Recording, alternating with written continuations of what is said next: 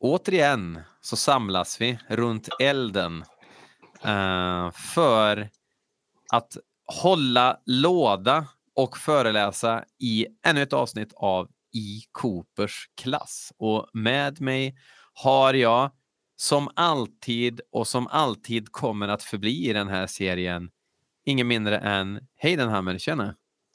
Hej Björn, tack! Ja, eh, idag är ju ett lite speciellt avsnitt därför att vi befinner oss i Coopers klass men vi kan väl säga att rektorn har lämnat byggnaden. Det skulle man kunna säga. Ehm, och nu har vi någon sorts man säga? Kan man göra någon sorts pann eller någonting på det här? Jag har inte förberett några vitsar. Jag brukar inte kunna göra det. Uh, men, men, det är ju liksom, eh, vad ska man säga, skolkarna kan man säga besluta sig för att läsa ny kurs. Ja, Överkursen. ja, det. uh, och då passar vi på att presentera dagens gäst i och med det tycker jag. Mm. Christian Strandell. Ja, goddag, goddag. Välkommen tillbaks till eh, klass. Ja, tackar vi för. Trevligt att vara här. Eh, du var ju med och eh, bjäbba om eh, Muscle of Love senast. Ja, precis. precis. Den sista Cooper-plattan med Alice Cooper-gruppen då, ja. Precis, och då är det ganska passande att du nu ska vara med och snacka om det som skedde sen när eh, eh Alice Cooper, soloartisten, hade börjat dundra vidare med inte mindre än två soloplattor. Va? Go to Hell är väl innan det vi ska prata om nu, väl? Eller är det ungefär samtidigt? Va? Det är samma år, va? Alltså det är åtminstone Welcome to my nightmare och så är det ju Ghost to Hell och så är det ju mm. Lace and Whiskey. Men ja, det är tre ja. plattor han har hunnit med här alltså. Ja, uh, Lace and Whiskey kom väl ungefär parallellt med det vi ska prata om idag. Ja, och det vi ska prata om det är ju att eh, eh resterande nästan eh, en full sättning av Alice Cooper-bandet då bestämde sig för att nej, men då, då fortsätter vi utan Dave Vincent, a.k.a. Alice Cooper. Och eh, vi kommer att heta Billion Dollar Babies och vi kommer släppa en skiva som heter Battle X 1977.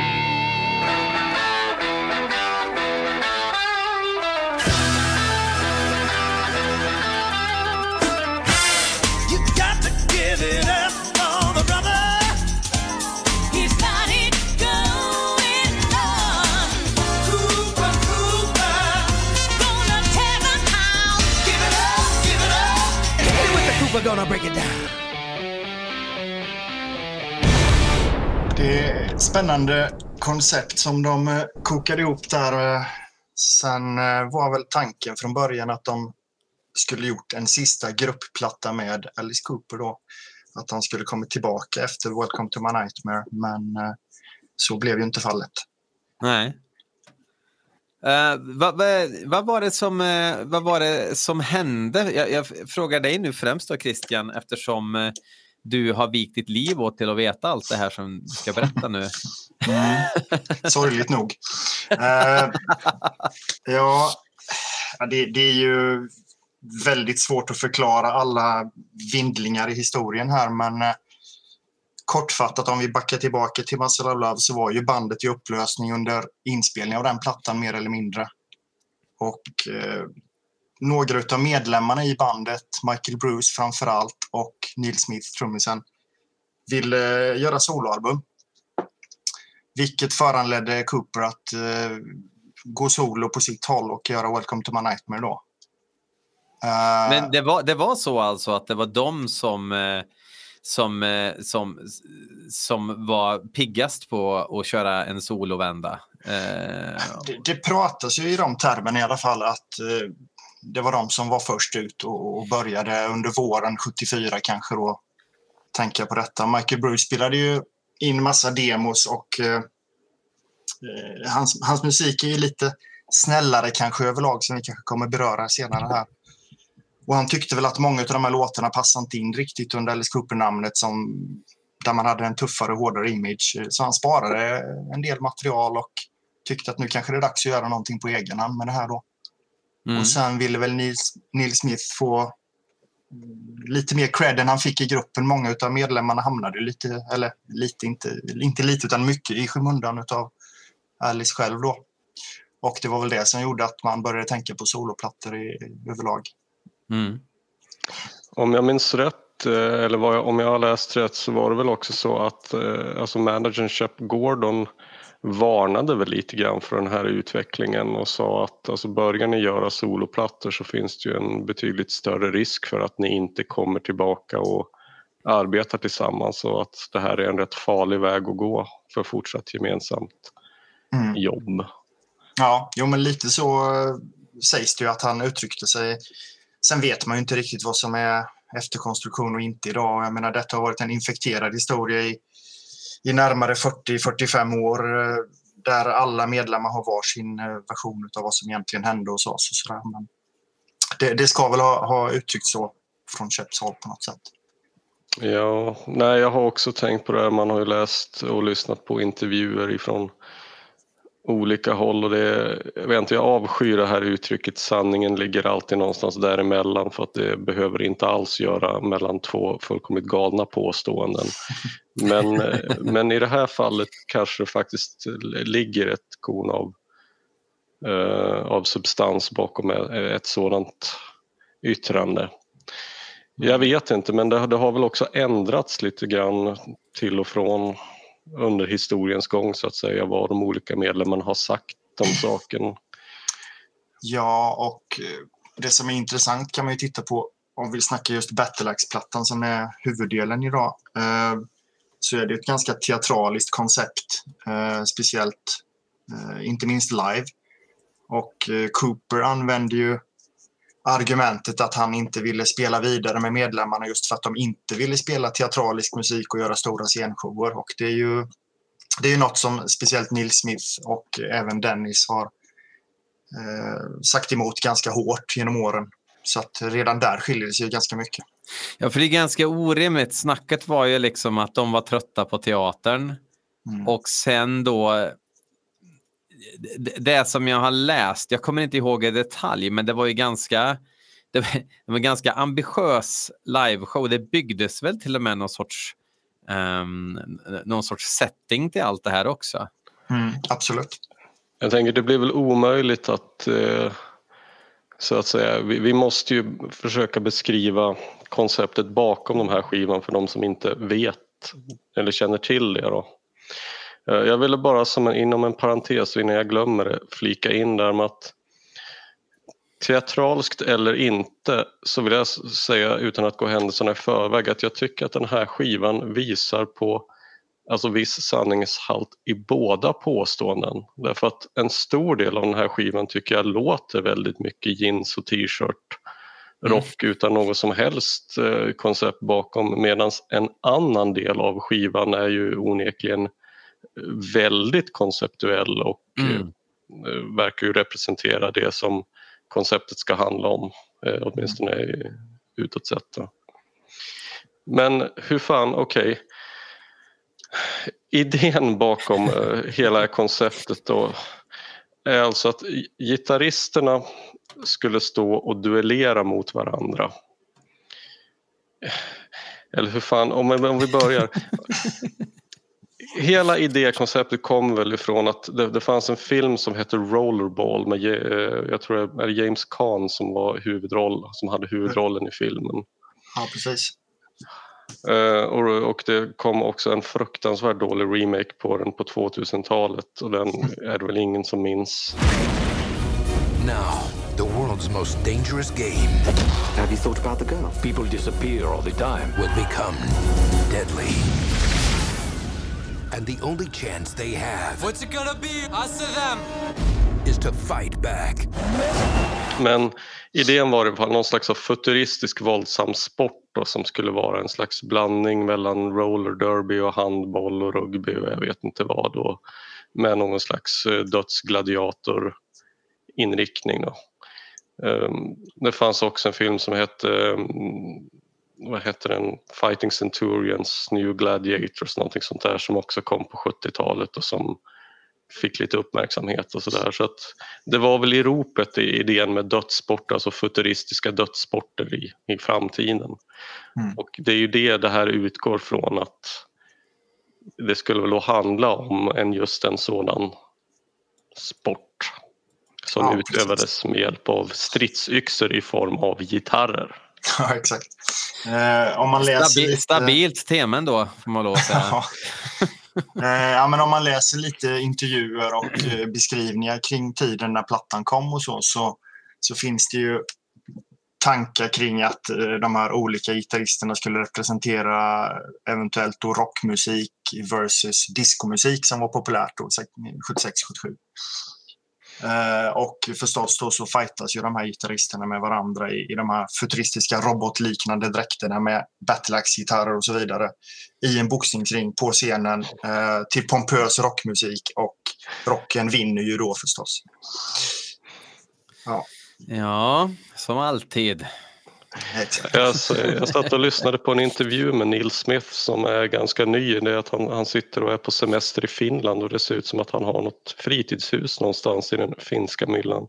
Mm. Och då berättar han om det här konceptet då också att gitarristerna skulle duellera mot varandra och varje gång som någon fick in liksom en, en stöt så skulle detta synas för att båda gitarrister skulle ha en, en slags termometer bredvid varandra eller Ja, det, det skulle vara för varje stöt som kom in så skulle det motsvara att den här temperaturen höjs liksom som ett kvicksilver tills man, eh, tills man når en viss summa och som då skulle vara pengar och den som vinner har då, då är man uppe i alltså en miljard dollar, en billion dollar och då liksom ska kampen vara över och så ska det spruta konfetti och grejer.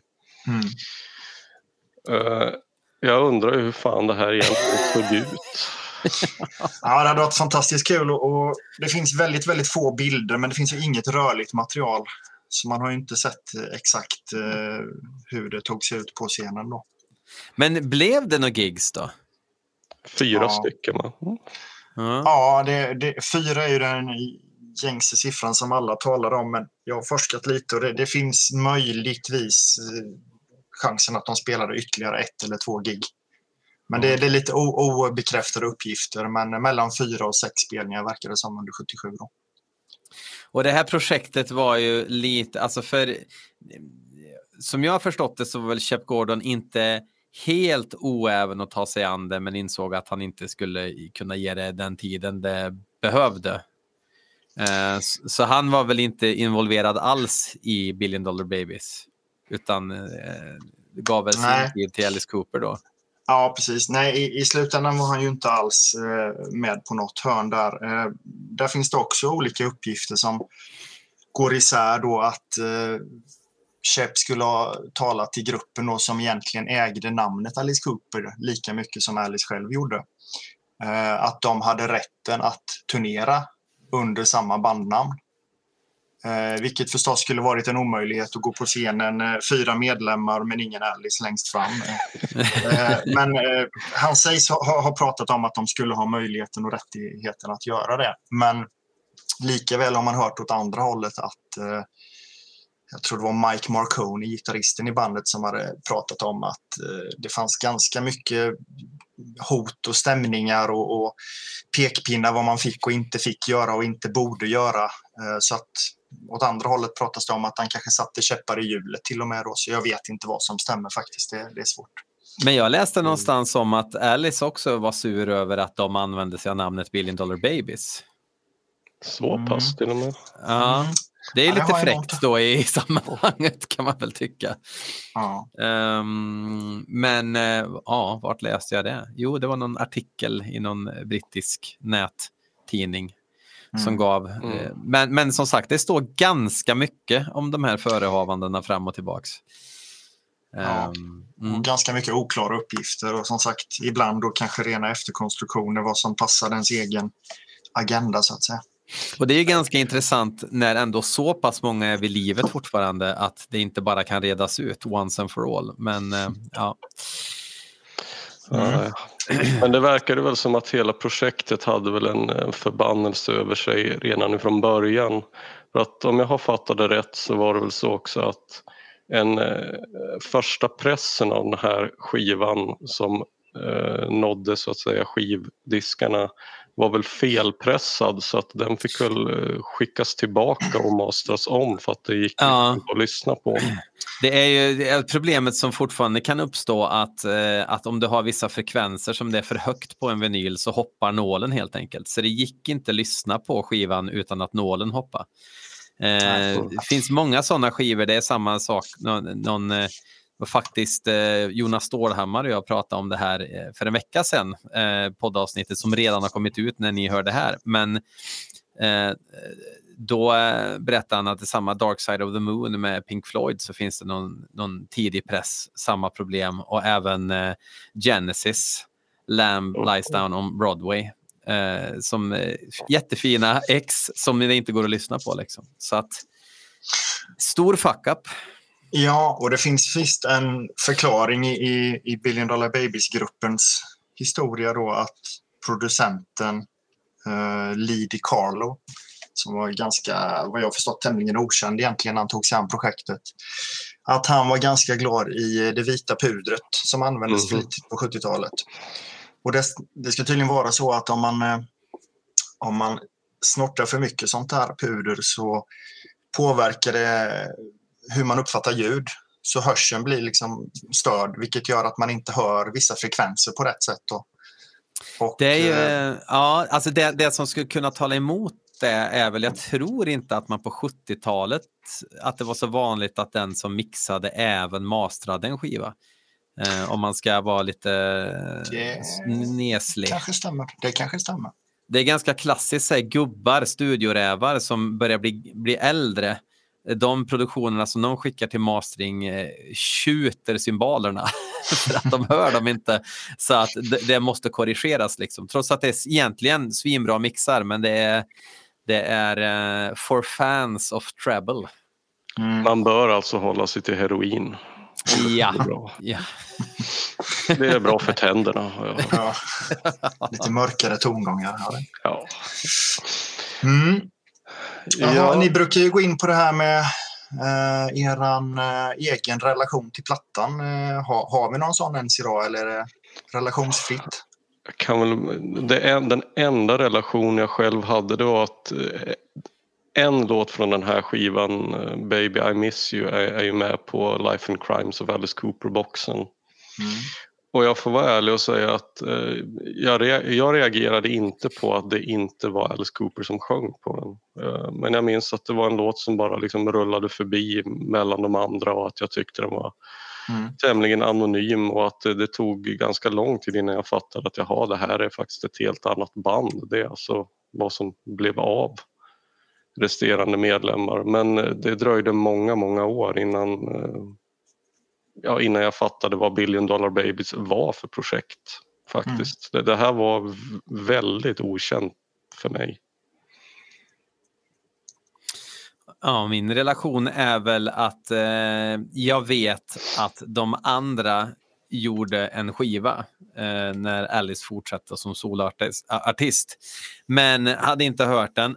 Beställde den faktiskt på Discogs för en och en halv vecka sedan, men den skickades typ igår så att jag hann aldrig få den. Och jag hade tänkt fan det här, det här blir intressant att sitta med konvolut och hela skiten, men den har inte kommit fram än. Um, men ja, så gott som ingen relation egentligen. Jag hade också tänkt, jag såg att det fanns en eh, specialversion, CD-versionen, en tredisk-grej för typ 500 spänn eller någonting jag hade kunnat beställa men jag, ja, jag är faktiskt ganska, utan att gå händelserna i förväg, jag, jag är ganska glad över att jag inte la de pengarna på, på den här skivan. Men en, en vacker dag kommer jag såklart att köpa den bara för någon slags komp men... i kompletteringssyfte. Det är ju lite mm. intressant för jag menar vinylversionen är ju inte direkt svår att få tag på eller dyr att få tag på. Så att, eh, då är det väl att den är, det är någon boxvariant då gissar jag. Mm. 3 CD. Ja. Ja, trippel-CD. Det, har ju, det kom ut en tidigt 2000-tal som är rätt svår att få tag på idag. Men i stort sett samma material har ju getts ut eh, då och då på CD. Eh, och egentligen aldrig någon riktigt officiell utgåva. Eh, den som jag tänker att eh, Hayden pratar om är väl kanske mm. den som kom på Cherry Red Records eller något sånt där va? Ja, den här kom, den, den är inte gammal, den har bara några år på nacken, ett par tre. Men jag, jag känner ju till att det är så att det, det finns ju en från tidigt 2000-tal som är en rätt luguber historia med mystiskt omslag. Och mystiskt ja. omslag är väl ju för sig inte den utgåvan ensam om. För, jag tror vi måste prata om det här omslaget. Ja. Vad är ja. det vi ser? Eller för att um, citera pappa Rudolf, jag ser ju vad jag ser, men jag vet mm. inte vad det riktigt är. Det är någon mm. sorts eh, rymdman, superhjälte, tomte med en Dire Straits-gitarr i högerhanden och en badboll i vänster hand, va? Ja, det låter rimligt. uh, nej, men det är väl uh, det är väl de här dräkterna. Jag vet inte hur uh, hur noga återskapat det ska vara jämfört med bilden. Men de hade ju dräkter på sig, gitarristerna, när de utförde den här eh, ja, bataljen på scenen då. Herregud. Och eh, jag, jag, tror det finns lite bilder. Jag för mig att eh, den ena hade i blått och den andra hade i röda färger och sen gitarren gjordes faktiskt en specialutgåva med en sån här battleaxe-formad gitarr som även finns i, tror jag, Dennis Dunways ägo idag. Ja. Och det är väl som, eh, alltså jag tänker, eh, alltså Gene Simmons har väl en yxformad bas. Och jag tänker väl att de här gitarrerna skulle väl följa samma mönster då. Mm, jag vet inte när den användes, men det är ju, det är ju en sån tanke. Mm. Ja, det, det, är inte en snygg skiva, eh, alltså, på, på alltså på något sätt. Och så är det lite så här, eh, vad ska man säga, tacky, eh, limelight. Eh, alltså loggan, alltså log, det är ju ingen logga utan det är ju eh, men så sylta skylt logga kan man väl säga nästan. En glesbygdspizzeria. Ja, exakt, exakt.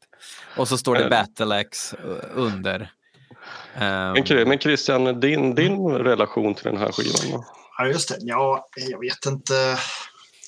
Jag började ju som jag sa i förra avsnittet samla på Cooper för drygt 30 år sedan. Och det var ju Cooper-plattor till höger och vänster och sen så började man leta information på, på i, i gamla dammiga uppslagsverk på biblioteket och sådär i början och då fanns det någon diskografi som nämnde skivan helt enkelt. Och, Eh, den stod ju lite separat då, eller separerad från Cooper-plattorna. Så jag letade upp den helt enkelt på vinyl och spelade in den på kassett för att inte slita på den för jag trodde att den var lite ovanlig i min ungdom. Eh, fastnade egentligen aldrig för den, tyckte den var ganska blek. Eh, lite för poppig sådär men eh, har väl börjat uppskatta den lite mer kanske nu 20-30 år senare. Då. Lyssna på den lite då och då i alla fall. Uh, vad är du i för sinnesstämning när du drar på den här skivan? det, det, är en kuggfråga här. vad är Battle-Axe-modet? ja, nej, jag vet inte. Den, den, är ju den är som jag sa ganska poppig. Det tycker jag fortfarande idag. Den är ganska glättig och liksom enkel. Uh, det kan vara skönt att ha på lite i bakgrunden. Och, uh, men, men det, som är, det som är kul med plattan är väl att man upptäckte att bandmedlemmarna i gruppen faktiskt hade ett liv efter Alice och gjorde saker mm. som eh, är ja, mer eller mindre obskyra, men man började gräva lite i deras karriärer. Så att den var kanske lite startskottet för det i alla fall. Så mm. de gjorde någonting gott.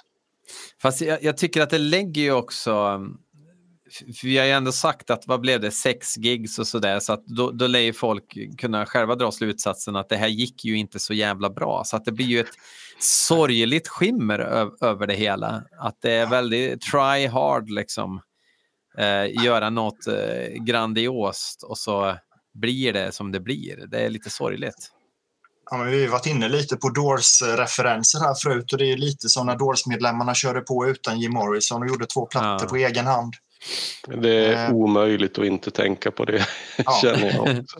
Ja, men en men... jättestark frontperson som försvinner ur bandet och man försöker tuffa vidare och, och göra någonting eget men det blir inte så himla lyckat mm. egentligen. Jag, jag ser bara en, en, bara en snabb detalj här. Att du, du pratar om att Lee Carlo då, som, eh, som mm. eh, hade kokssnok under mm. inspelningen, han pajade inspelningen. Eh, men sen så mixades den ju om av Jack Rickard, Richardson faktiskt, som vi känner igen från tidigare skivor med Alice Cooper.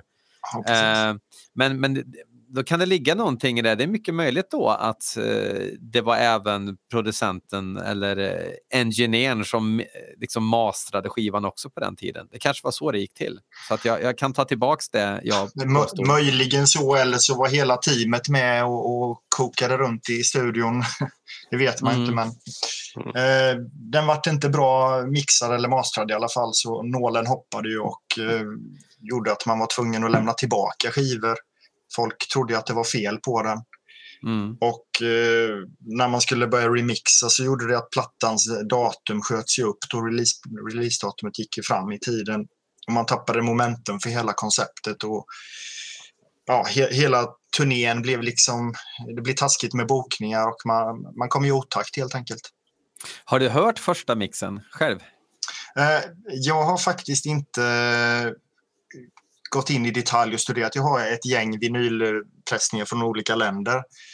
Och jag vet att det ska finnas eh, den här första mixen jämfört med en andra. Och jag tror, jag är dålig på det här, men jag tror att den här Cherry Red eh, trippelserien som kom ut för två år sedan eller något sånt där har den eh, rätta, eh, alltså remixen från Jack Richardson. Okay. Och den tycker jag låter mm. absolut bäst i alla fall. Men, men den här första mixen, jag vet inte vilka pressningar den finns på eller inte. Lite oklart. Mm. Mm. För att det, det, var ju no, det var ju rätt många ex som gick ut i alla fall. Så att, och jag menar, de tog väl ja. inte tillbaka allihop, utan det var väl de som lämnade tillbaka gissar jag som fick en ny. Så jag tänker att det finns säkert ett gäng där ute. Ja, precis. Och sen var det väl mm. frågan om kanske vad man hade för utrustning med, om det hoppade eller inte på, på skivan då liksom. Mm. Ja.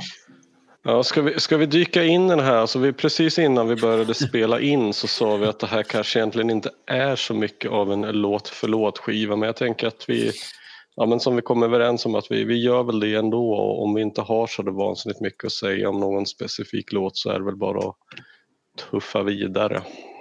Ja men precis. Mm. Ser att klockan, eh, tiden går ju så jävla fort när man har roligt och vi har ju snart passerat 27 minuter redan. Så. Eh, eh, om lyssnarna tycker att det låter som att jag och Heidenhammer inte har roligt så är det för att vi är sjuka. Men innan, innanför bröstet brinner en glädje. Men den, den kanske inte manifesteras rent ljudmässigt så mycket. Men den finns där, tro oss. Mm. Nej, det är alltså inte våra kockssnokar Det är lite sniffande tycker jag. Här. Man blir ju pigg. Ja, jo, jo, det är fördelen såklart. Uh, Okej, okay. ja. okay, låt nummer ett, Too Young.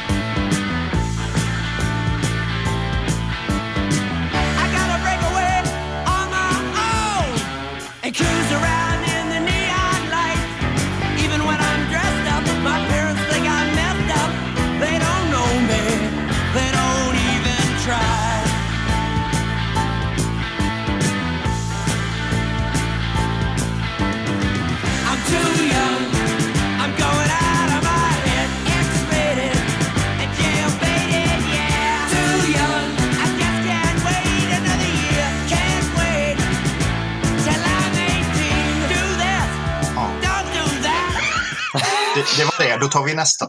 Nej. Ja. Men okej, okay. små lattjo-riff är det väl i början och det är något slags boogie-rock. Men jag mm. tycker att jag, sångaren, vem det nu är, försöker övertyga oss om att han är 17 och jag tycker att det går sämre mm. än när Alice numera vid 74 års ålder proklamerar att han är 18. ja, vad bra. Vem är det som sjunger egentligen? Det är ju Michael Bruce som sjunger på på plattan. Är, är det det? Ja, ja, eh, ja, Det förvånar mig lite grann um, faktiskt. Men mm. eh, eh, vi ska ju prata lite kort om Michael Bruce skiva också. Men mm. eh, ja, okej, okay. för att eh, han sjunger inte superbra. Nej, han det, Nu är du alldeles för generös. ja, jo, jo, men jag tänkte jag, jag, jag inleder snällt. Nej, men det, det, det låter ju verkligen eh, som eh, någon som inte kan sjunga jättebra.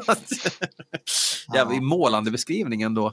Nej, men, men alltså det hörs ju att det är en musikalisk person, men det hörs att den inte har, har eh, liksom det som krävs. Punkt. Det är eh, kvidande liksom på något jävla vis. Han har väl inte den här uttrycksfulla rösten. Eh, alltså det är svårt om man jämför just med Cooper då som är lite av en mästare på att nyansera hur han lägger orden och, och fraserna. Här är det lite plattare och lite enklare men det, det är väl också beroende på att mycket av musiken är ganska mycket enklare. Ja. Det, blir, det, det, blir inte så mycket man kan göra med det kanske. Alltså det är ju, det är ju liksom åt Stones-hållet tycker jag, liksom det mesta. Alltså jag, jag, jag tänkte när, när jag, jag, jag lyssnade på den när jag kokade potäter förut också och då, då tänkte jag, det låter lite så här Rhapsody in Rocket, liksom. Alltså det, det är den formen av rock som Robert Wells skulle gilla. Liksom. Det, det, är liksom ja, det... Inte, det är inte toner direkt från helvetet manifesterat genom eh, Gibson-gitarrer, utan det är mer um, pryd rockmusik. Det är ju väldigt ofarligt. Ja. Ja, men det är det. Det är tillrättalagt och, och jag kanske inte stör mig på sången lika mycket, men, men mer att texterna är ju... Det känns lite uppenbart att man försöker göra ännu en 18 eller Schools Out-låt som, mm. som, som vänder sig till eh, tonårspubliken som Cooper-gruppen hade. Man försöker återupprepa den eh, mixen på något sätt. Liksom. Det är ju det är också ett, sånt där, alltså ett bolero-komp i refrängen och jag är helt övertygad om att det är helt medvetet för att man som lyssnare ska liksom bli påmind om Schools Out. Dum, ja, da, da, dum, da, da, dum. Ja, det tänkt på, men det är intressant. Jag tycker att ja, men det blir lite som när Dana Carvey vid 36 års ålder och med peruk spelar tonåring Garth Algar i Wayne's World. Mm. Wow, you're amazing dude.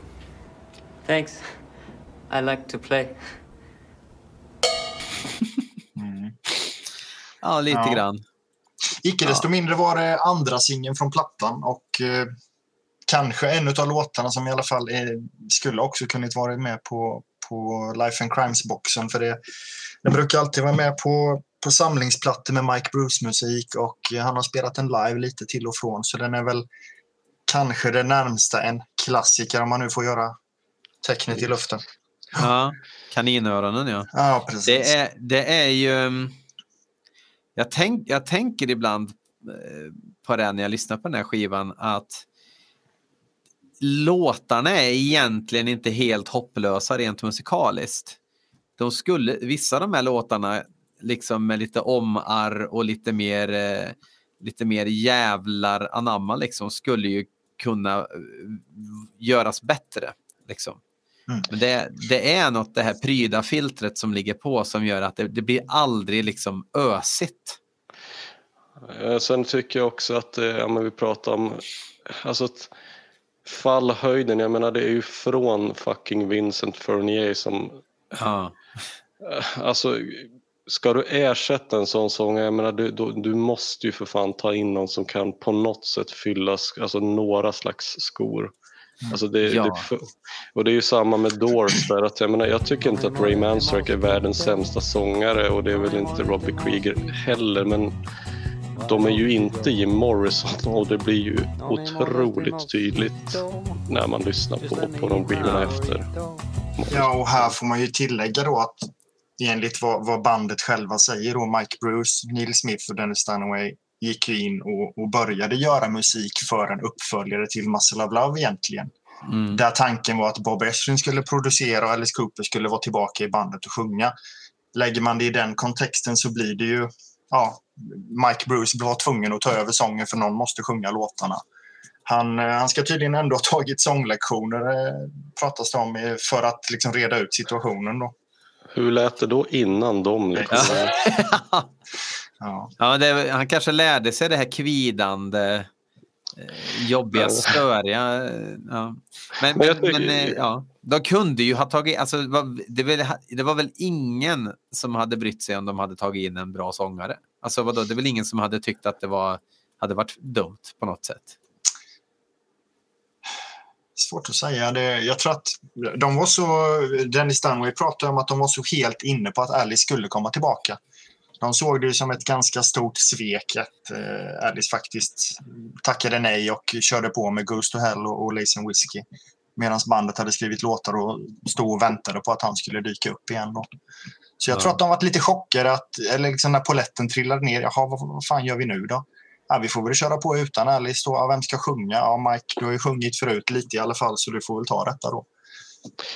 Men, men det jag tycker blir märkligast är det här att vi, vi har ju snuddat, vi kanske kommer att pra, vi ska väl prata lite om Mike Bruce eh, soloskiva men det är även Neil Smith gjorde ju en ganska besynnerlig soloskiva vid namn Platinum God. Men utan att gå händels, de händelserna förväg, alltså där tycker jag att, sång, att sången på den skivan tycker jag är hundra gånger bättre än på den här.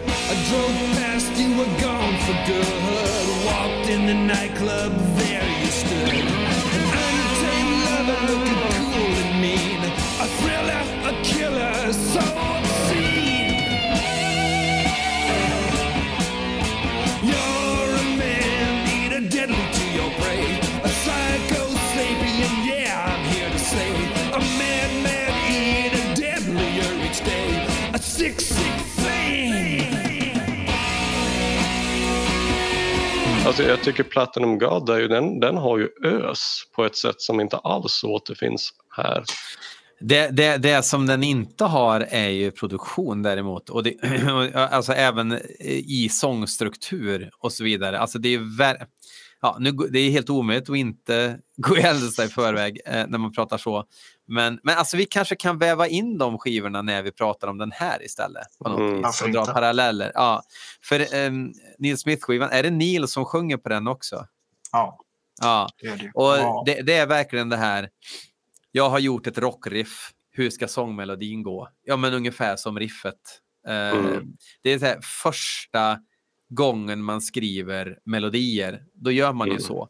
Och så är det väldigt mycket på Neil Smith-skivan, eh, Platinum God, att där borde någon ha gått in, prova och börja sjunga från tersen eller från, från en annan liksom, melodi. För att det låter lite för tölpigt. Det, det är liksom det som... Det är lite punkigt utan att vara punkigt på ett bra sätt. Liksom. Men det är absolut mer eh, ös på den skivan. Det håller jag med om. Det känns väl lite mer äkta på något sätt och, och Neil har alltid varit ganska så outgoing och tar för sig. En karismatisk figur som vill höras och synas. Sen eh, kanske han inte alltid backar upp det med, med de absolut bästa låtarna eller ja, som sagt, tycker man att Mike Bruce inte sjunger bra på denna plattan så är väl kanske kan jag rekommendera, eller inte rekommendera Neil Smiths eh, soloplattor på senare år. Jag lyssnade, lyssnade lite grann på det Neil Smiths eh, Kill Smith och det, Ja, ja, det var ju inte det bästa jag hört. Nej, nej. Men, men jag, jag varit ändå förvånad över Platinum God för jag, det var någonting jag bara hade räknat bort fullständigt. Men jag, jag tycker det var kul, speciellt därför att en låt som vi kommer att prata om senare eh, återfinns ju på, på, både, eh, på både Battle Axe och Platinum God i lite olika versioner.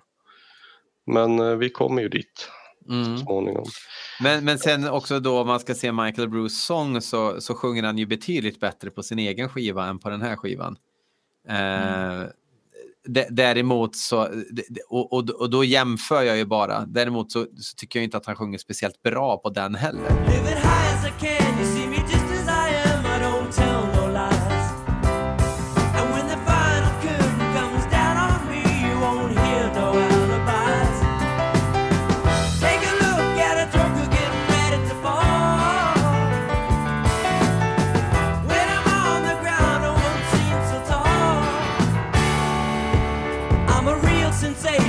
Men ka- kanske att han blev lite mer styrd på den här skivan.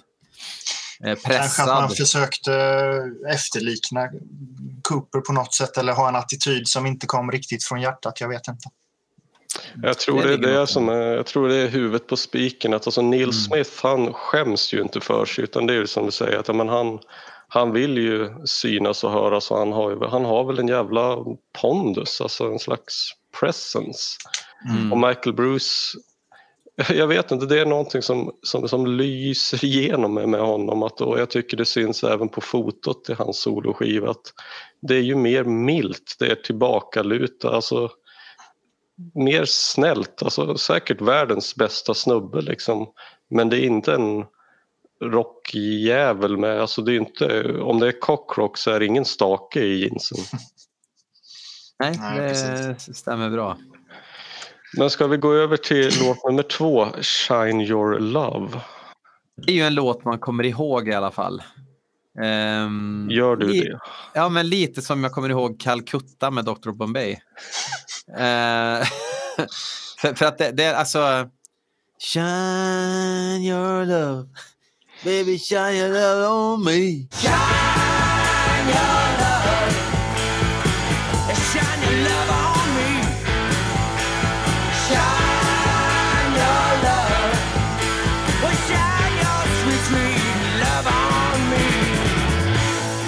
Alltså det är otroligt enkel. Eh, alltså, det är så vansinnigt generiskt och de räddar upp det med lite tamburiner och lite stämsång och grejer. Men det, det är ju otroligt intetsägande. Alltså, introt låter väl lite som Judas Priests Grinder fast mycket sämre.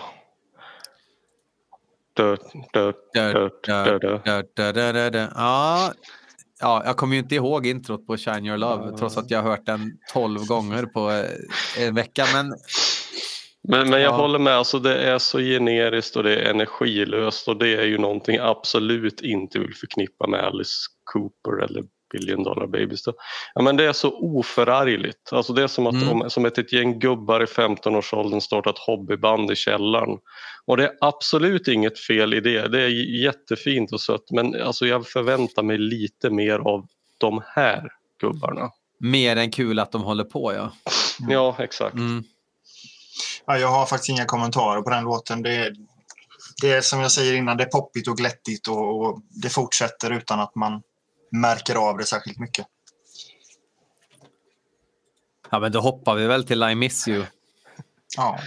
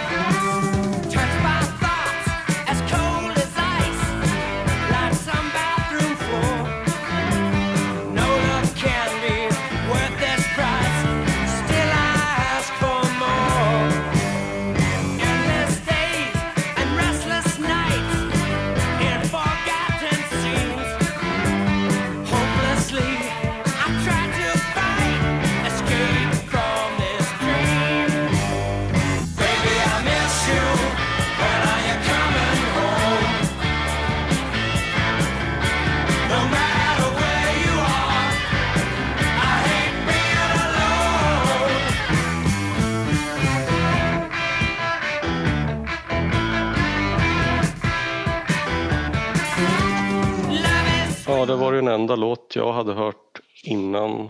Men ja, för mig är väl det här den enda låt som skulle platsa på ett blandband, tror jag. Det, det är väl ingen bra kit, men jag tycker den är rätt okej med rätt okej refräng och sådär.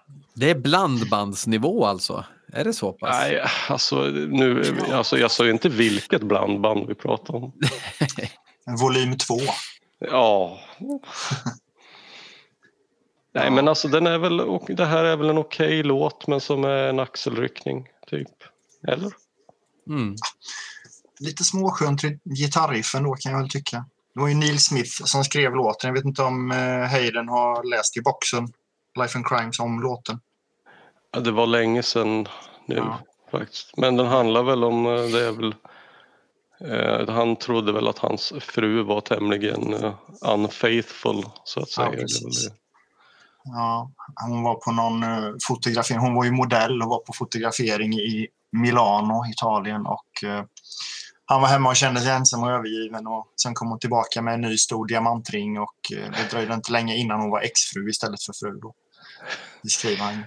Det är, liksom, det, det är så kliché på så många nivåer så att man, man eh, får hjärnblödning. Liksom. ja. Hur trogen höll sig Neil Smith på Alice Cooper-turnéerna undrar jag. Jag tror inte han gifte sig förrän 74 eller sent 73 tror jag det var kanske för sig. Så eh, vet inte. Det är en bra fråga. Mm. Wasn't I the one? Ja. Ja, om man tycker att Alices hemmafruballader är jobbiga att ta sig igenom så det här är ju bara hopplöst.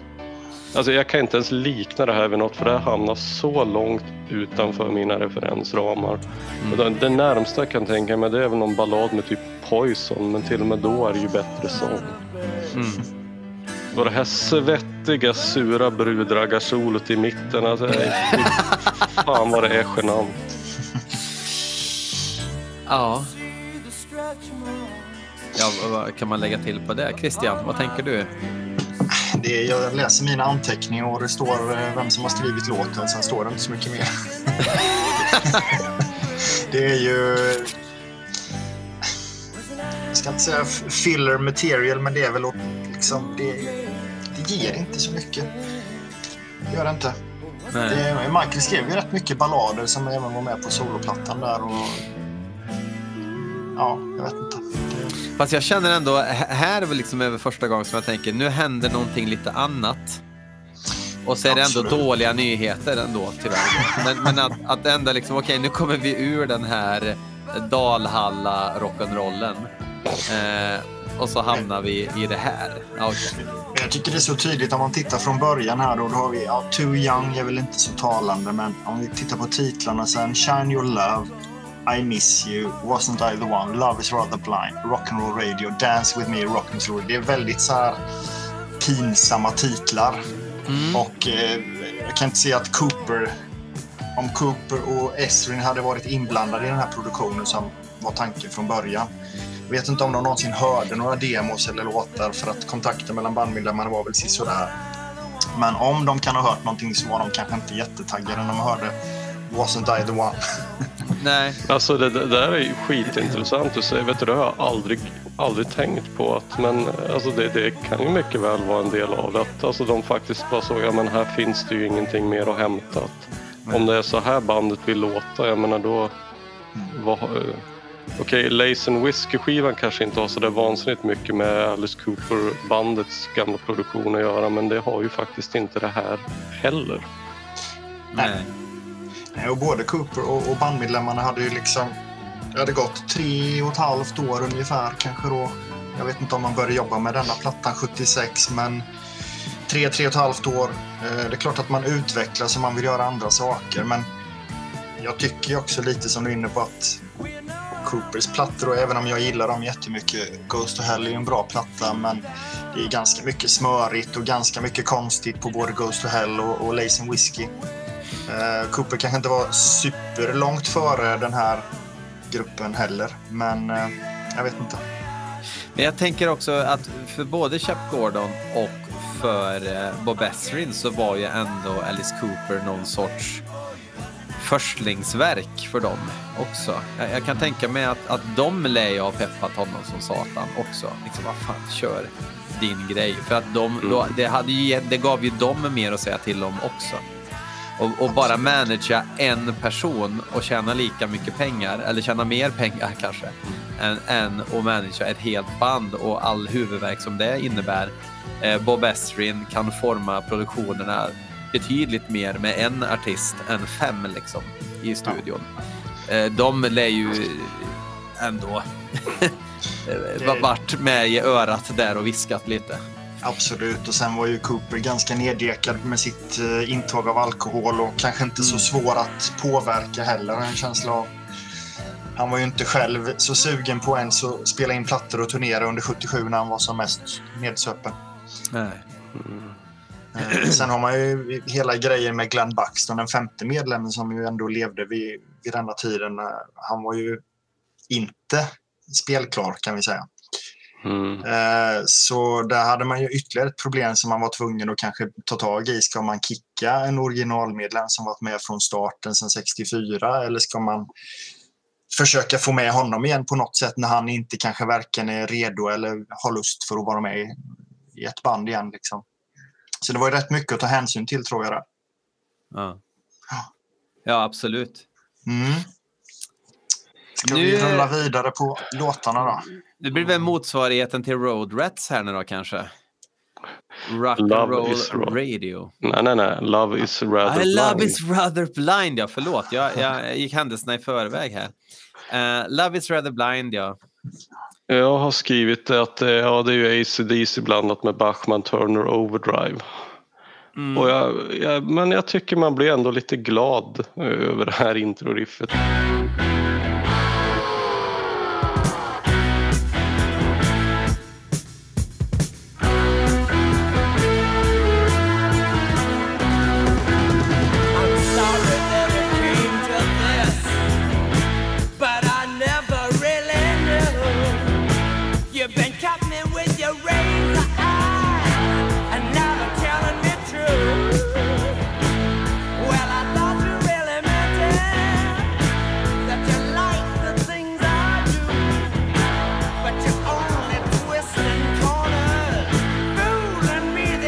Det, det är inte bra men eh, ja, ja det, det är ju bättre än förra låten i alla fall.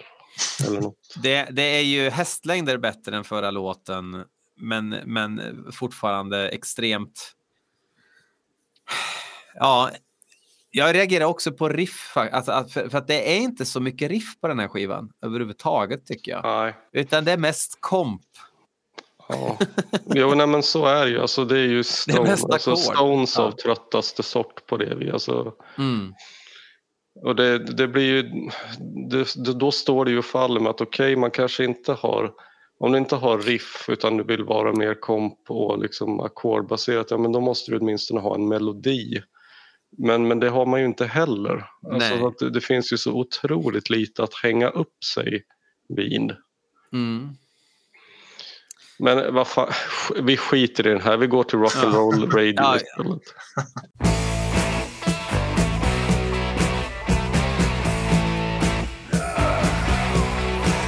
It's my favorite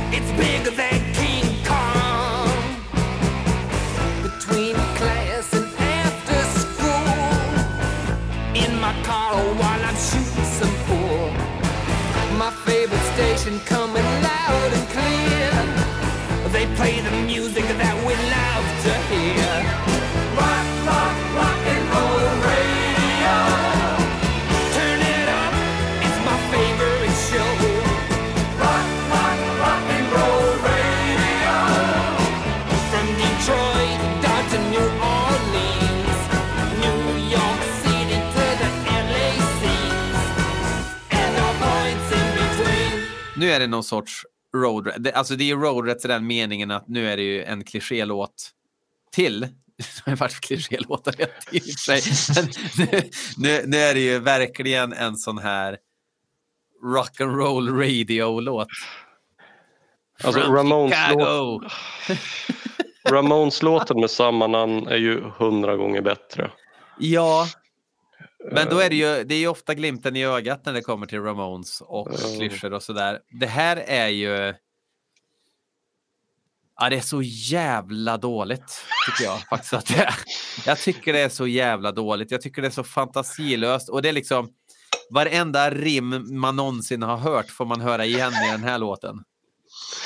Men, men den här Ah. låten, då är det, den är ju med även på Neil Smiths Platinum God men då i en jävligt mycket bättre version och där tycker jag faktiskt till och med att den kanske inte är bra men men, men fan men in, inte dålig heller. Alltså då låter det, det är mer T-Rex än, än Alice Cooper och Mm. även om jag tror att det här blåsarrangemanget eh, ska väl påminna lite om ja, men grejer på Billion Dollar Babies skivan och lite Under My Wheels och sådär. Men eh, alltså, ska man lyssna på den här låten om man nu av någon anledning ska göra det så kan man väl göra det på Platinum God istället. För, för här på, på Battle Axe då är det dåligt. Ja, det stämmer. Och och det, det är så här liksom... Jag, jag, fatt, jag fattar inte hur man vågar presentera liksom, den här texten för sina bandkamrater. Alltså, hur lägger man upp det? Ja, jag vet att ni kommer tänka nej, nej, nej, men hear me out. Liksom. Det är en rock'n'roll radio kommer den heta. Nej, men vad fan. Lägg av. Ja, men Ska vi tillägga då att det, att det faktiskt fick bli första singeln från plattan också. Och gud i himmelen. Mm. Ja. Ja, det är ju inte Wall of Voodoos Mexican Radio sedermera coverad av Celtic Frost. Nej.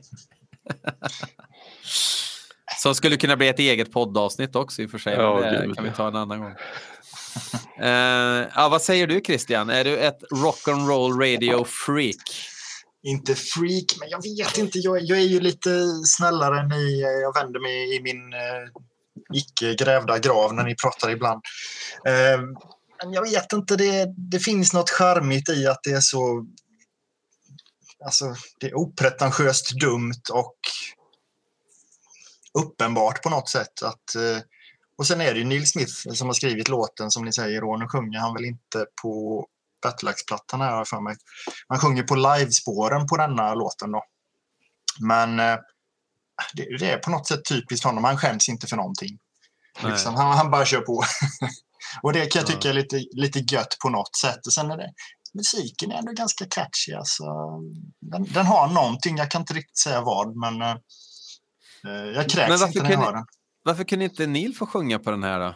Men det fattar fan inte jag heller. Han kunde ha sjungit, de kunde ha delat upp om, om de inte ville ta in en sångare, varför delade de inte upp det? Det hade ju också gjort att skivan hade blivit mer uthärdlig att lyssna på om det hade varit lite variation på sången också. Men är det inte så enkelt som alltså kallar det ett logistiskt problem att Neil Smith bakom trum, alltså om, om hela konceptet är uppbyggt på en fet liveshow så det här med sjungande trummisar blir ju svårt att få till bra i praktiken kan jag tänka. Jag tänker ju Olle Jönsson där direkt som en referens och det funkar ju. Absolut. Ja, men då borde han ju inte spelat eller sjungit låten live, men eh, sjungit den på plattan då kanske. Men eh, Ja, det hade han fått göra. ja, nej, jag vet inte.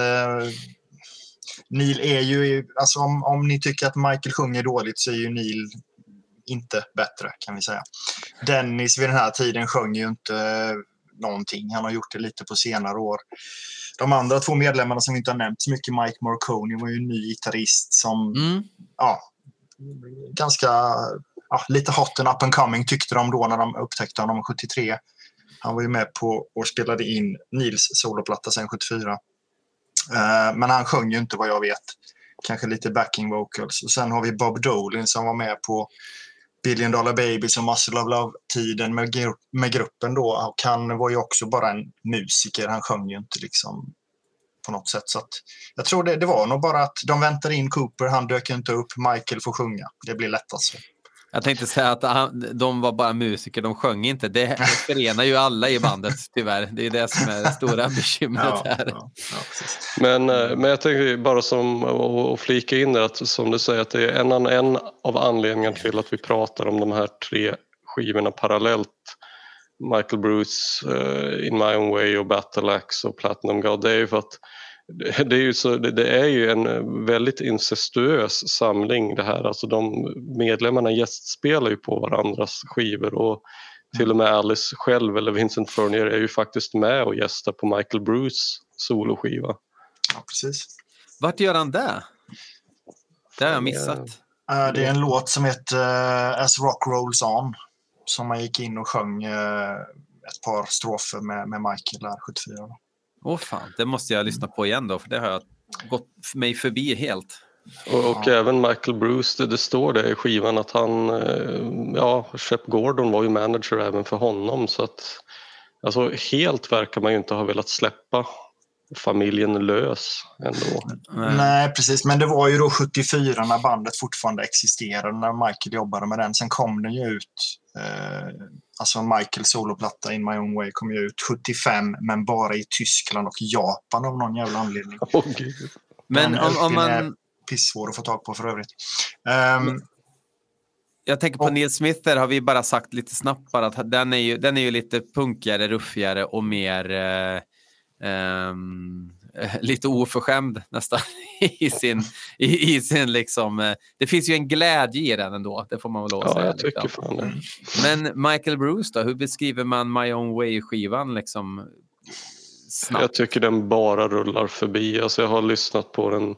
Jag köpte den för ett gäng år sedan, lyssnade mm, axelryckning så har jag lyssnat på den några gånger nu inför det här avsnittet. Men den är ju, jag tycker också att det blir ganska skum att det är, det är ju en Easy Beats cover där som Mm. låt nummer tre, Friday on my mind. mm. Eh, som jag inte riktigt förstår vitsen med. Nej, jag, jag vet fan. Tråkig, ska jag säga. Mm. Jag säger väl att den är... Man märker ju ty tydligt kopplingen att Michael har skrivit mycket på Battleaxe-plattan.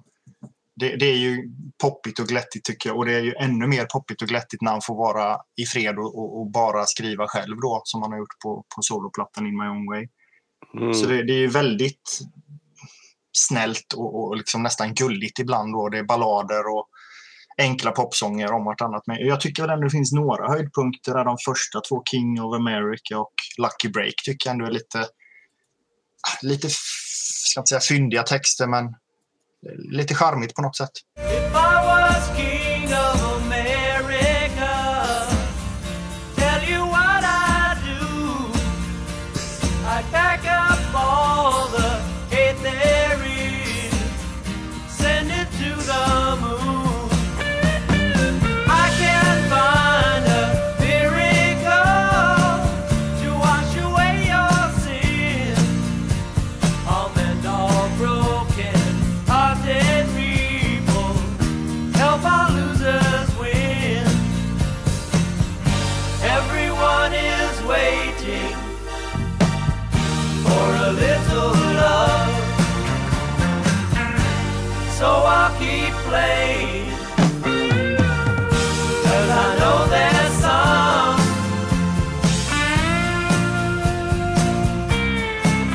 Annars är det Ja. ju kanske lite slentrian. Men jag, Jag- alltså, jag, jag, ja. Förlåt. Ja, nej, men jag tänkte på King of America. Den är inte lite skämskudde på den ändå. Jag tycker den känns lite... Om, om jag fick bestämma då skulle jag göra... Alltså det, det Ja, ganska enkel. Det kanske, det kanske är fyndigheter i den som jag har missat. För jag har ju inte tittat i konvolutet utan bara hört lite strofer sådär. Men det... Mm. Ja. Ja, den är ju lite självironisk. Alltså, den är ju inte menat som att han är någon superkändis eller så. Utan han driver lite med sig själv och publiken och så vidare. Så där, så, att, ja. Ja, okej. Du, Den ingången alltså. ja, lite mer så. Mm. Men jag, jag köper det här snälla, eh, alltså jag köper det mer när det är hans sol, bara hans sologrej. Liksom. Jag, jag har lättare att acceptera det än, än i Battle Axe, alltså som jag ändå hade förväntat mig skulle...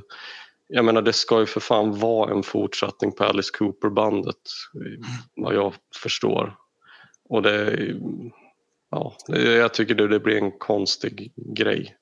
bara. Men är det det? Alltså, var, var det någonting som de sa? Att vi, alltså, som att vi ska fortsätta arvet från Alice Cooper-bandet?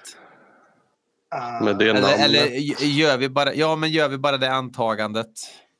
För att det, ja, det namnet, ja, i och för sig. Fast det, det, namn handlar ju bara om att, att, att märkas. Liksom. Jag vet inte. det var väl så att de, de, de har väl inte uttalat sig att eh, nu gör vi en, ja, en fortsättning på Muscle of Love, en uppföljare på den plattan eller sådär, att vi kör Alice Cooper-musik. Men de var, de var nog ganska identitetslösa har jag en känsla av och lite lost eh, in translation. De visste inte var de skulle ta vägen och hade förhoppningar på att Alice skulle dyka upp och sen gör han inte det. Jag tror att det, de blev lite chockade över hela hela grejen. Fan, är det över nu på riktigt? Kommer han inte tillbaka? Vad gör vi nu då? Mm. Ja, vi har ju spelat in lite demos, så vi får väl jobba med dem då. Ska vi göra en platta? Ja, men det gör vi. Jag tror att det, det, det var nog ingen grand plan att kanske till och med så att det var att de inte ens hade räknat ut att de skulle göra just den här plattan med just de här låtarna utan att det bara råkade bli så lite grann. Men fatta vad jobbigt då ändå veta liksom att nu... För det är ju... även om det, alltså det är ju ett ambitiöst projekt med liveshowen och allting. Och sitta där i studion och bara känna, fan, blir det här bra liksom? Alltså, fan vad jobbigt det måste ha varit för dem. För de måste ju själva ha förstått att okej, det här är ju inte i klass med det vi har gjort förut. Det måste de ju ha förstått. Eller så hade de så jävla kul så att de kände att det var bra som fan för att det var kul att äntligen köra igen. Eller så var det som en boxare som går upp en sista match och tänker att man vet ju aldrig, jag kanske får in en jävla fullträff liksom och, och knockar den jäveln i första ronden. Vem vet? Och sen får Mm. man storstryk själv efter 30 sekunder. Ja, Ja. De sänkte ju ner eh, runt 100 000 dollar vardera, Neil, Dennis och Michael i projektet. Så de satsade ju pengar på det, det kan man ju inte säga något annat. 77 liksom. Ja, det, det, herregud. Ja, nästa låt, Dance with me, har jag skrivit att här är det väl sannolikt The Who som står för merparten av inspirationen. Det är lite kul så här synttjut i början och ja, lite mer fart i musiken och lite Under My Wheels territorium igen.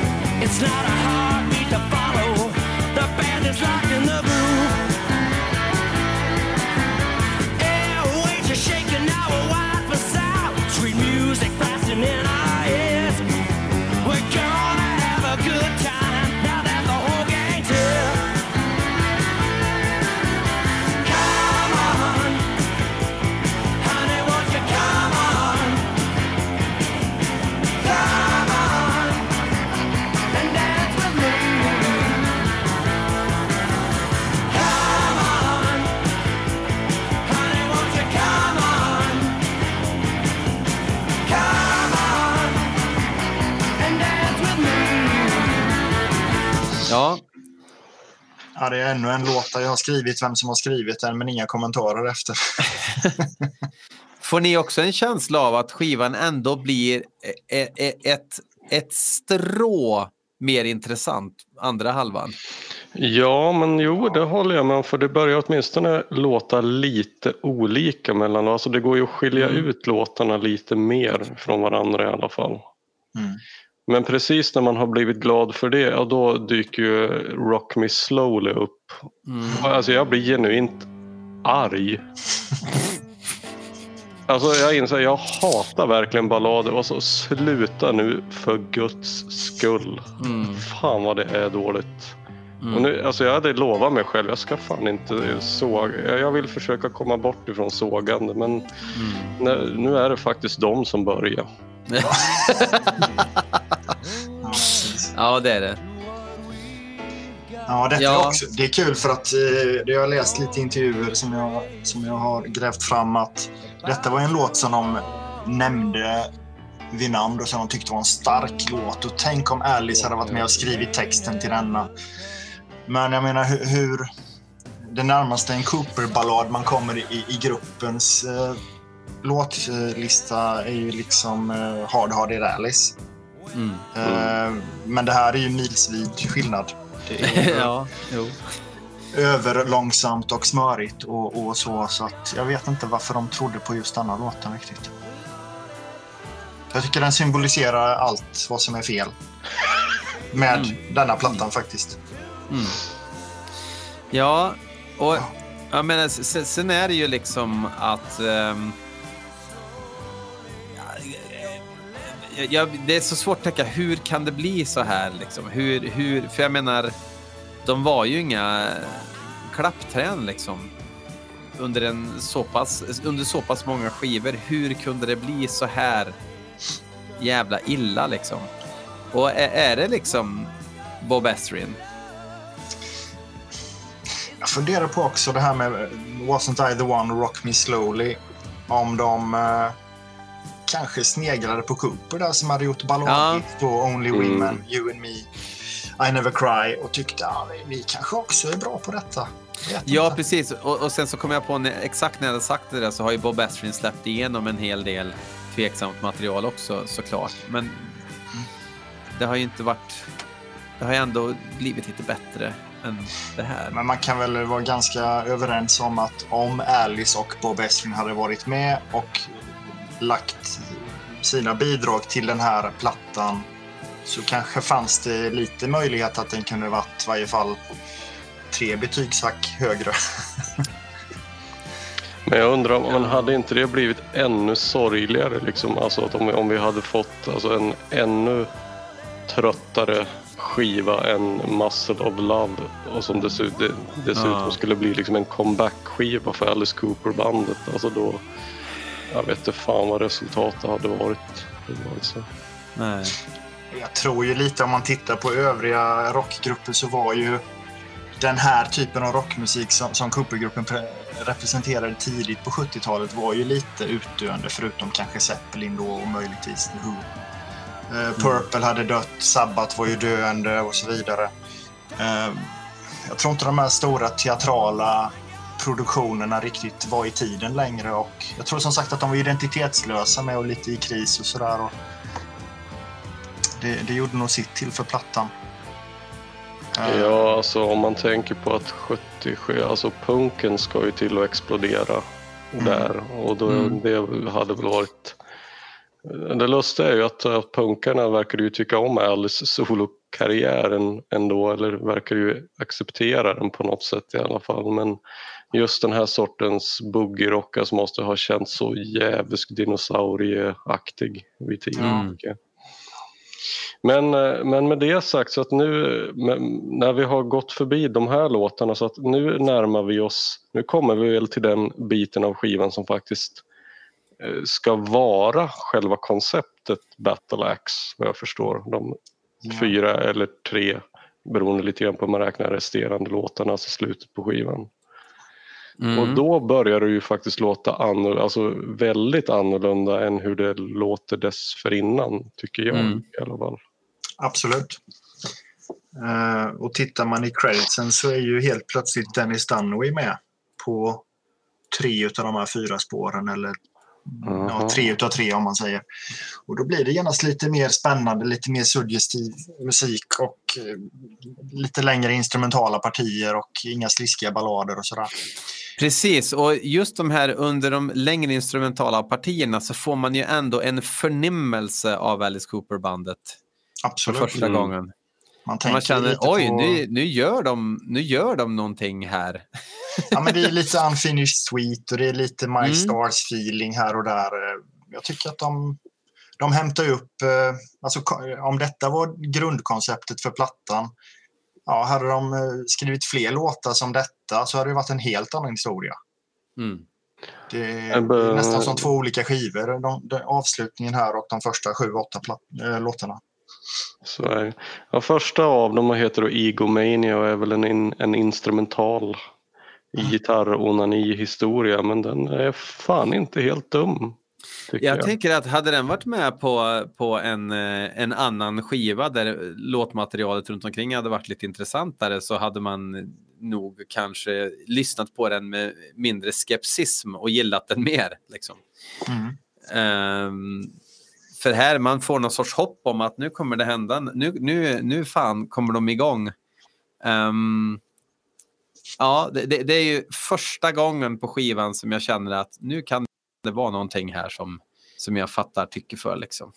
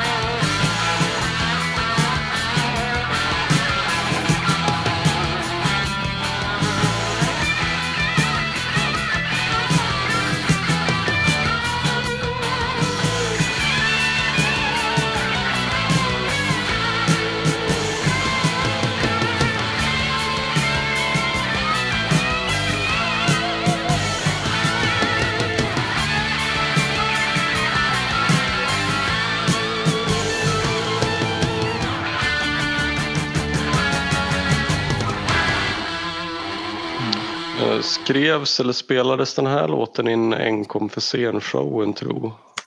Eh, Jag tänkte på detta nu när jag lyssnade igenom eh, live-giggen som finns då att eh, den är väl skriven som ett mellanparti kan jag tänka mig när man för upp den här boxningsringen som de fightades i på Mm. scenen och lite rök och man släcker ner och sådär och gör sig redo för det teatraliska kan jag tänka mig. Ja, Jesus. Men, men Mm. hur- liveupptagningarna då? Hur, hur, sjunger, hur sjunger han? Alltså, hur låter sången?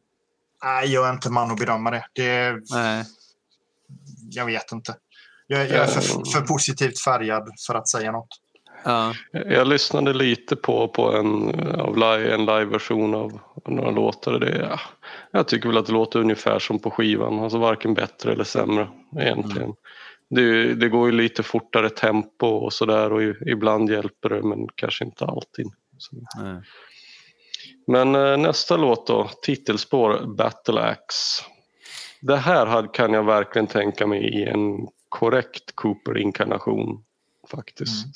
Mm. Och jag tycker det är fan nästan så att man kan höra Vincent bakom mikrofonen.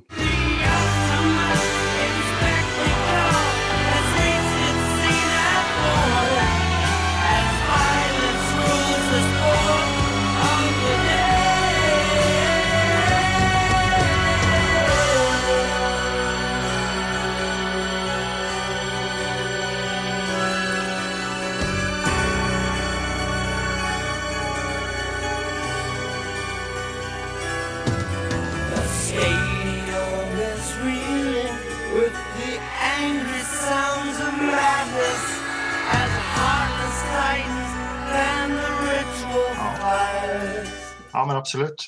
Det, är det något som är teatraliskt och konceptuellt på plattan så är det ju denna låten. Den, Mm.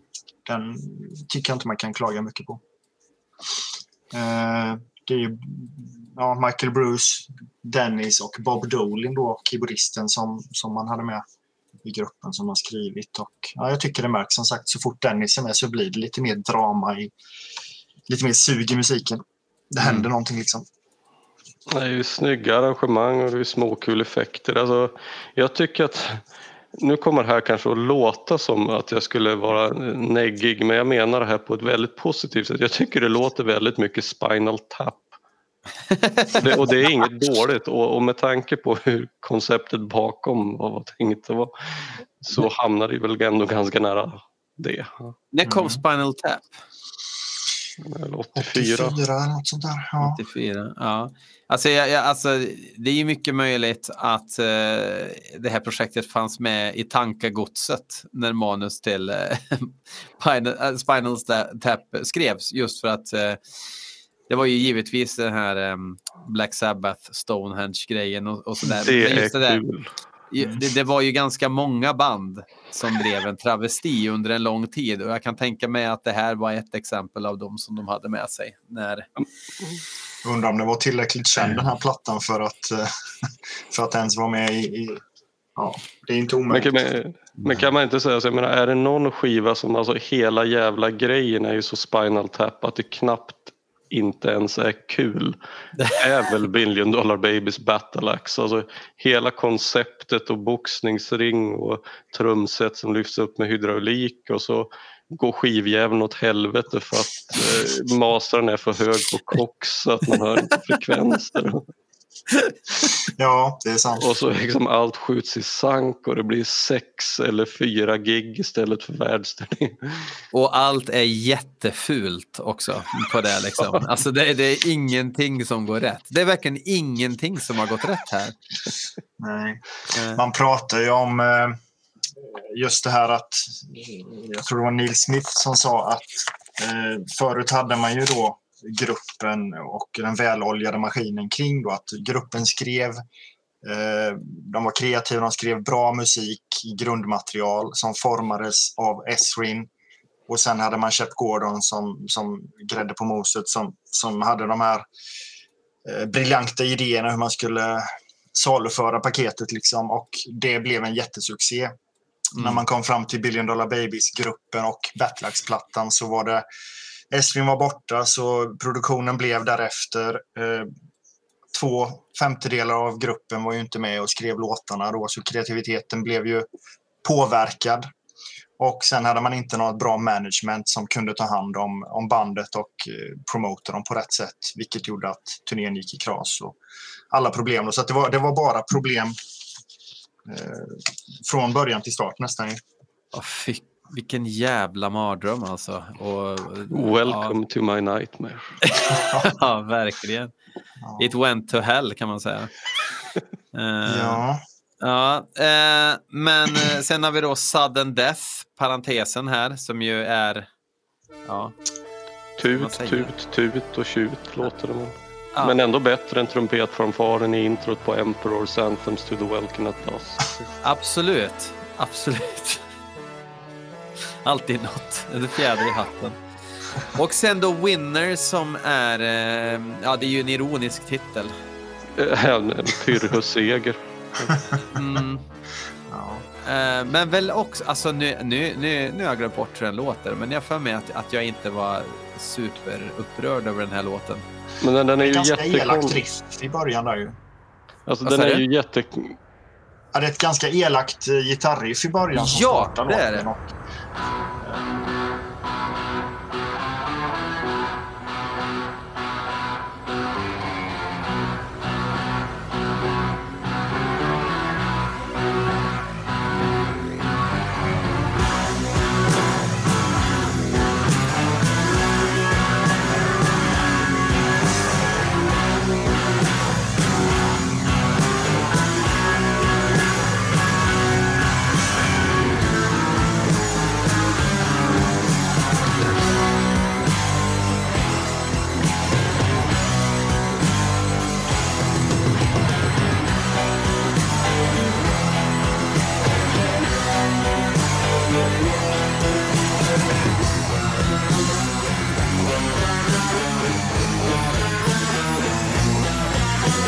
sen Men det, det är ju jätte...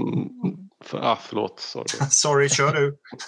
Nej men alltså det, den är ju en jättekonstig låt därför att den börjar ju bra om man hör att den är på rätt köl men alltså Mm. bara efter en minut så byter den ju stil helt och blir någon slags Hawkwind-rumba och sen efter ytterligare 45 sekunder då är det cockrock med alltså komplett med pålagda publiktjut som är mer artificiella än på Kiss Alive 3 och de är inte äkta.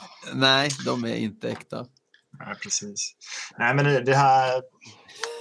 Man skrev ju, om ni kommer ihåg på Love It To Death, Killer, Schools Out, Billion där så skrev man ju ofta låtar som hängde ihop lite med varandra. Ni har Mm. Second Coming, Ballard White Fry och Sunrise. Och detta är väl en sån eh, trio, eller om man nu säger att det är fyra låtar med Sudden Death, jag vet inte. Eh, Neil Smith var alltid väldigt glad i det här att binda ihop låtar och det är, ett litet, det är ju här konceptet dyker upp och, och Winner är egentligen eh, skriven också för scenen kan man säga när Michael Bruce har fightat ner Mike Marconi med den här Battleaxe-yxan och Ja, man förstår konfetti ju att börjar det är det. och, Ja. och sen sprutas det champagne och, och ja, det är liksom the, the final, the grand final. Med tanke på hur det gick så var det nog Pommac man sprutade snarare. Enbärsdricka utan kolsyra. Ja. Ja, och så är sånginsatserna här, ja, han sjunger I'm a winner men det låter ju väldigt ironiskt och det låter ju mer, alltså, jag, jag vet att jag lyssnade på det tidigare och tyckte att ja, men det här låter liksom som en South Park karikatyr av hur en sångare låter i princip. Ja, ja, ja, det, det, det, ja, men det låter som att han försöker vara någon han inte är. Och det, det tycker jag, jag tycker det är det som är problemet kanske med hans sång, att det låter så jävla ogenuin, liksom rakt igenom. Och det här pressar fram någon sorts sprucken röst. Liksom. Mm. Ja, det är inte eh, kategoriserat under bra alla gånger. Ja men det, det är väl också slå mig nu att det blir ju så, det blir så jävla humorlöst. Alltså jag tänker att allt det Alice Cooper-gruppen gjorde var ju med en, en glimt i ögonen med en svart cynisk humor att det, det var kul men med alla de här jävla genanta texterna på den här skivan och till och med på alltså de här konceptuella låtarna men, ja, men vart är humor någonstans? Det, det är verkligen liksom det tar sig själv på alldeles för stort allvar och de låter som att det är gubbar som att de har roligt när de spelar. Mm. Men det är ju inget sk- skämt. Eller alltså liksom, Nej, Nej. tyvärr är det ju inte det. nej. Om det inte kommer fram då liksom att det hela var ett skämt från början. Men det kanske är dags att, att ge sig till känna nu vid det här laget. Ja, 45 år senare. Ja. Mm. Ja. Ja, det finns ju lite demoversioner och lite demolåtar eh, som, som inte kom med på skivan. Jag vet inte, ska vi säga någonting om dem? Om, om någon har lyssnat på dem? Alltså jag, jag måste säga att det inte jag har inte lyssnat på alla, jag har lyssnat på några. För att jag var kladdig om händerna när jag rullade veganska köttbullar så att jag kunde inte stänga av. Och eh, det låter inte så mycket, alltså man hör, det är ju, det är ju verkligen demos liksom. De, det låter ju som demos. Och man hör inte ett annat potential där heller riktigt tycker jag. Av det lilla jag hört. Det är möjligt att någon låt eh, lät lite fräck i demoversion, men det jag hörde, det var lite samma faktiskt. Det är någon som heter Rock'n'Roll Prison och det, ja, det, är, det är bluesrock men som jag faktiskt sjukt nog tycker är rätt okej. Alltså någonting som Doors hade kunnat jamma ihop på fyllan komplett med honky tonk piano och allt. Eh, absolut inget märkvärdigt men lite eh, okej då. Typ, liksom. Mm. Ja, precis. Jag tycker kanske det är intressantare om man kan avrunda lite med, med att prata om eh, vad som kom sen då för att bandet som ni förstår kom ju ingen vart. Eh, det blev en kortare turné på, på en handfull gigs då och den här enda plattan. Två singlar som släpptes som inte kom någon vart men man, man började faktiskt försöka skriva låtar för eh, platta nummer två. Och eh, jag vet inte exakt om det är några av de här demorna som inte är med på plattan då, som, som är från de sessionerna. De lovar ju inte så mycket, men däremot så spelade ju sen eh, Neil Smith och Dennis Dunaway i Flying Tigers. Eh, om ni har Vad hette de sa du? The Flying Tigers. Gud. Yes. Eh, innan det hade Neil Smith ett eget band som hette Neil Smith Band. Ganska fantasilöst det med. Wow. Men eh, de, eh, de inspelningarna, det finns lite live-gig från de åren 78-79 och även en handfull demos med Flying Tigers då, som är ganska trevliga tycker jag i alla fall. Eh, då hade de plockat bort Mike Marconi, Bob Dolin och hade en annan kille som sjöng och en gitarrist till. Då. Eh, de är lite små, eh, småroliga ändå sådär. Och, eh, sen har ju Neil och Dennis är ju knutna till varandra genom att Dennis gifte sig med Nils syster. Ja, Eh. Så de har ju alltid hållit ihop och bott ganska nära varandra ofta och, och jammat och spelat på olika projekt ihop. Sådär då. Eh, Så de gjorde ju även plattor på 80 och 90, eller inte 90-talet egentligen, tidiga 2000-talet. Eh, Mike Bruce Ja uh, In My Own Way-plattan som, som ju kom ut 75 som sagt, men i, väldigt begränsad utgivning. Um, släppte han ju igen då 83 som uh, Rock Rolls On. Fast inte alla låtarna var inte med utan han skrev två nya som kom med där då. Och för att göra det lite mer invecklat så är det en låt som heter uh, Do You Wanna Know som är med på 83-plattan som även spelades i Neil Smith och Flying Tigers-grupperna. Så den skrevs ihop med Neil Smith. Så det är mycket incestuöst som ni sa innan. Oj, oj, Allt hänger ihop lite grann. Men blev det någon skiva med det här Flying Tigers? Nej, de kom aldrig så långt. De hade lite på gång då, lite känningar och eh, nu kommer jag inte ihåg namnet på producenten men det var ett hyggligt stort namn men det, det, det sket sig i slutändan då. Men det är ju så, vi ska inte snöa in så mycket på det, men, men det är ju så många paralleller till Doors också. Alltså jag tänker på att Krieger och Densmore fortsatte ju i några resp- alltså band efter Doors, ja. eller Butts band, ja. och så var det väl något till tror jag. Eh, Och det var ju liksom grejer som inte var så jävla oävna men det kom verkligen ingenstans.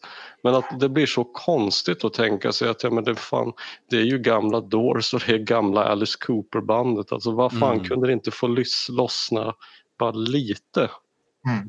till. Men har, finns det bra exempel på att det någonsin har gjort det?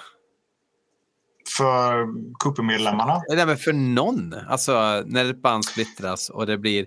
Det är klart att det finns, men, men då är det ju oftast lead-personer. Det är väldigt sällan det är basisten startar nytt band från ett stort band och det går skitbra liksom. Alltså Steve Harris British Lion är ju inte skitbra. Nej, det är det inte. Det är väl ingen som bryr sig om vad Matt Sorum gör nu liksom. Eller hur? Jag menar, det finns, kan vi komma på något exempel där ett stort band splittras, någon av kompmusikerna startar ett nytt band som blir skitstora? Det finns ju garanterat, men jag kommer inte på något nu. Kan man säga? Ja, nej. Jag tänkte Richie Blackmores eh, soloprojekt efter. Ja, men Men han var ju förstås kanske en av de större karaktärerna i bandet. Så att, Tänker du på Blackmores Night då, eller? ja, men precis. Men det är ju ingen som lyssnar på dem, eller? Är det det? Ja, det är väl jag då. är det bra? Eh, de, ja, men de första plattorna tycker jag är ganska okej. Det är ju lite, lite småkul eh, folkrock. Eh, helt okej faktiskt. K- Kanske faktiskt ska ge den en chans. Ja, men jag, jag tänker också på det här liksom där Michael Bruce då. Nu släpper vi om skivan igen Mm. och gör om låtordningen och grejer. Det har ju heller aldrig funkat någonsin. Alltså jag känner det att när ett skivbolag säger du den där skivan du spelade in för sju år sedan, vi släpper den igen och så spelar du in tre nya låtar. Man bara, oh shit, det är nu det händer. Ja, precis. Det på, finns på, ju inget... På världens minsta bolag i Texas tror jag det var Eurotech Records. Med, eh, Herregud. om ni tycker Battleaxe-omslaget är fult så är inte detta bättre kan ni säga. Det Ja, vattnas. Ja. Ja, nej, men det, det är så, nej, bara så sorgligt när man ser att man, man ser de här grejerna och så ser man liksom en Michael Bruce som bara, åh, det är någon som är intresserad, eh, det här kan gå. Alltså, nej. det är Adrian. Smith and Project är inte heller skitbra och inte heller hans band Psycho Motel som hade lite grunge-doftande vibbar. Nej, nej. När, när, Alltså- gamla hårdrockshjältar började spela grunge, det var ju Det- ingen som dök upp. Jag har inte lyssnat så mycket på, ta, eh, vad säger jag, på, på Geezer Butlers sologrejer som hette väl bara Geezer men de, jag tror inte de var kanon. Nej, och så, sen, är väl, ja. Sen är väl de här märkliga grejerna när band splittras så ska det bli Venom och Venom Inc. och Ja. eh, vad fan heter en, det är jävligt poppis att lägga till ett AD efter, alltså typ Mm. Entombed AD och jag vet inte vad. Vi Och det brukar har skämta om det blir intressant sen med DAD, AD. Men det här har väl aldrig varit lukrativt för någon. Alltså det det här blir väl bara skit, ärligt talat. Ja. Det var ju två Rat som turnerade samtidigt ett tag. Det tyckte jag var intressant. Och det var helt omöjligt att veta vilken, för det var ingen så här eh, Janne Schaffers Rat, utan det var bara Rat och Rat. Så att det var en slump vilken variant man fick se. Ja. Ja, men, om man tänker på ta Led Zeppelin som var gigantiska hela sin karriär egentligen. Inte ens Jimmy Page har gjort någon solokarriär att tala om. nej. Faktiskt. Men alltså Beatles då lyckades väl, får man väl fan säga. Jo, Ja, jo, jo. Ja, men. McCartney och Lennon, man kan väl ändå inte säga att det gick helt kast. För- Men de var ju också kanske fixstjärnan i gruppen. George Harrison, R- Ringo Starrs karriär. Mm. Tänk dig. Ringo Starr, så gjorde han en soloskiva? Ja, han har gjort en massa skit. Ja Mm. men naturligtvis. Men George Harrison i Traveling Wilburys gick ju bra. Så att Ja, det har vi något. Vi, eh, på- till Hatpastorns likpredikan så spånade vi fram en idé om alla de här banden som inte blev någonting. Att först så tänkte vi att när den norska scenen skulle göra sin Big Four och så tänkte vi liksom B-laget då som inte riktigt fick vara med på det tåget och spånade fram typ Harald Helgesons Enslaved. Mm. Som Ja, enligt fan, fantasin då bara skulle vara att han drog på eh, eldplattan med en slave och så satt han och spelade trummor till den på scen. I någon parallell verklighet har ju det här hänt. Ja, såklart. Såklart. Eh, en- Enligt, oändlighet, enligt Ja, oändlighetsprincipen så har Och det fan definitivt vet om det inte faktiskt har hänt eh, redan i den här dimensionen. på ett 50-årskalas någonstans. Ja men gud. Men hörni, där får vi knyta ihop säcken. Det var ju eh, jätte, jättetrevligt att ha med dig igen Christian. Tackar, tackar. Alltid kul att vara med och babbla om eh, meningslös information som ingen annan Nej. känner till. Det är inte Meningslös. meningslös information. Alltså, eh, det är såna, på grund av sådana som dig som samhället snurrar vidare. Och du Mm. är givetvis välkommen igen i ett annat avsnitt i framtiden. Det vore trevligt, absolut. Eh, ska vi orka med att sätta något slags betyg eller är det övermäktigt Ja, just på Ja, överkursen? nu, det här får bli snabbt. Ja, men alltså vad fan. Tre av tio då? Eller 3,5 av 10? Ja. Björn? Ja, ett av fem. Alltså jag behöver aldrig mer lyssna på den här skivan. Ja, det är det, är, men fast det är, de här sista låtarna blir jag ju faktiskt redan nu sugen på att lyssna igen eh, och liksom bara glömma första delen av skivan. Lyssna på de fyra, eh, tre och en halv av de sista låtarna skulle jag kunna lyssna på igen. Så att då blir det mer än ett. Då blir det 1,7 av 5. Eftersom du 1,5 av kör 5. femgradig skala och Hayden kör 10-gradig, ska jag köra 20-gradig då? Ja, jag gör gör det. Gör det. Eh, ja, men den är ju strax över godkänd och strax under medel, så då blir det väl kanske 8 av 20 då. För mig. Mm. Men, men Det jag, är, jag, ett, det är jag, ett jag, betygssystem som jag, min hjärna har inte vant sig vid det betygssystemet. Ja, det är väl 2 av 5 egentligen kanske då. Ja. jag, jag vill bara slänga in en brasklapp att, att Neil Smith Platinum God tycker jag ändå var en positiv överraskning. Så den kan jag ge 3 av 5 eller någonting där, för den är lite kul i alla fall. Mm. Ja, men den har någonting. Den är som sagt lite mer äkta och, och tar ut svängarna lite mer. Lite för tafflig för en trea tycker jag, men, eh, men det, det, det är den bästa av den här trion. Lätt. Om vi säger Michael, bara för sakens skull, Michael Bruce in my own way. Ja, det är svårt. Ja, det är ju, han har, man hör att det finns en, en effort på den skivan i alla fall. Att han har en idé som han vill förädla men lyckas inte. Men ja, det 3 är minus av 5 för min del tror jag. Förlåt, vad sa tre du nu? 3 minus, minus av, av fem, 5. Ja. av fem. Ja. Alltså Ja, inte, inte, inte 3 minus utan en svag trea då. Alltså. Aha. Okej, jag, jag, jag, Jag tyckte trodde också det minus. var, nu har du hittat på ännu en ny betygsskala som går från minus 5 till 5. Um, vad fan, hur fan ska man kunna betygsätta den då? Jag tycker ju att den är bättre än Battlex. Faktiskt. Eh, men det är ju inte en tvåa. Och jag gav 1,7 till Battlex. 1,8. Ja. Ja, nej men det... Ja men vad fan, eh, jag säger väl, vad sa jag för 10? Ja men det är väl någonstans här. Alltså fyra av tio, för att på sätt och vis är det väl en bättre skiva än Battleax men den är jävligt mycket tråkigare. Och Battleax har åtminstone, ja, nej, nej. 2,5 av 10 då. Den är så, jag, jag, vill, jag kommer aldrig mer att lyssna på den. Så mycket kan jag säga. Men jag kommer nog att lyssna på de tre, fyra sista låtarna på Battleax åtminstone någon gång till i framtiden. Och det är en av de låtarna som får avsluta i Coopers klass den här eh, gången. Då vi pratade om Billion Dollar Babies Battle Axe. Eh, Platinum God med Neil Smith och eh, My Own Way med Michael Bruce. Det är liksom inga milstolpar jag nämnde. Det är svårt att komma ihåg vad de heter till och med.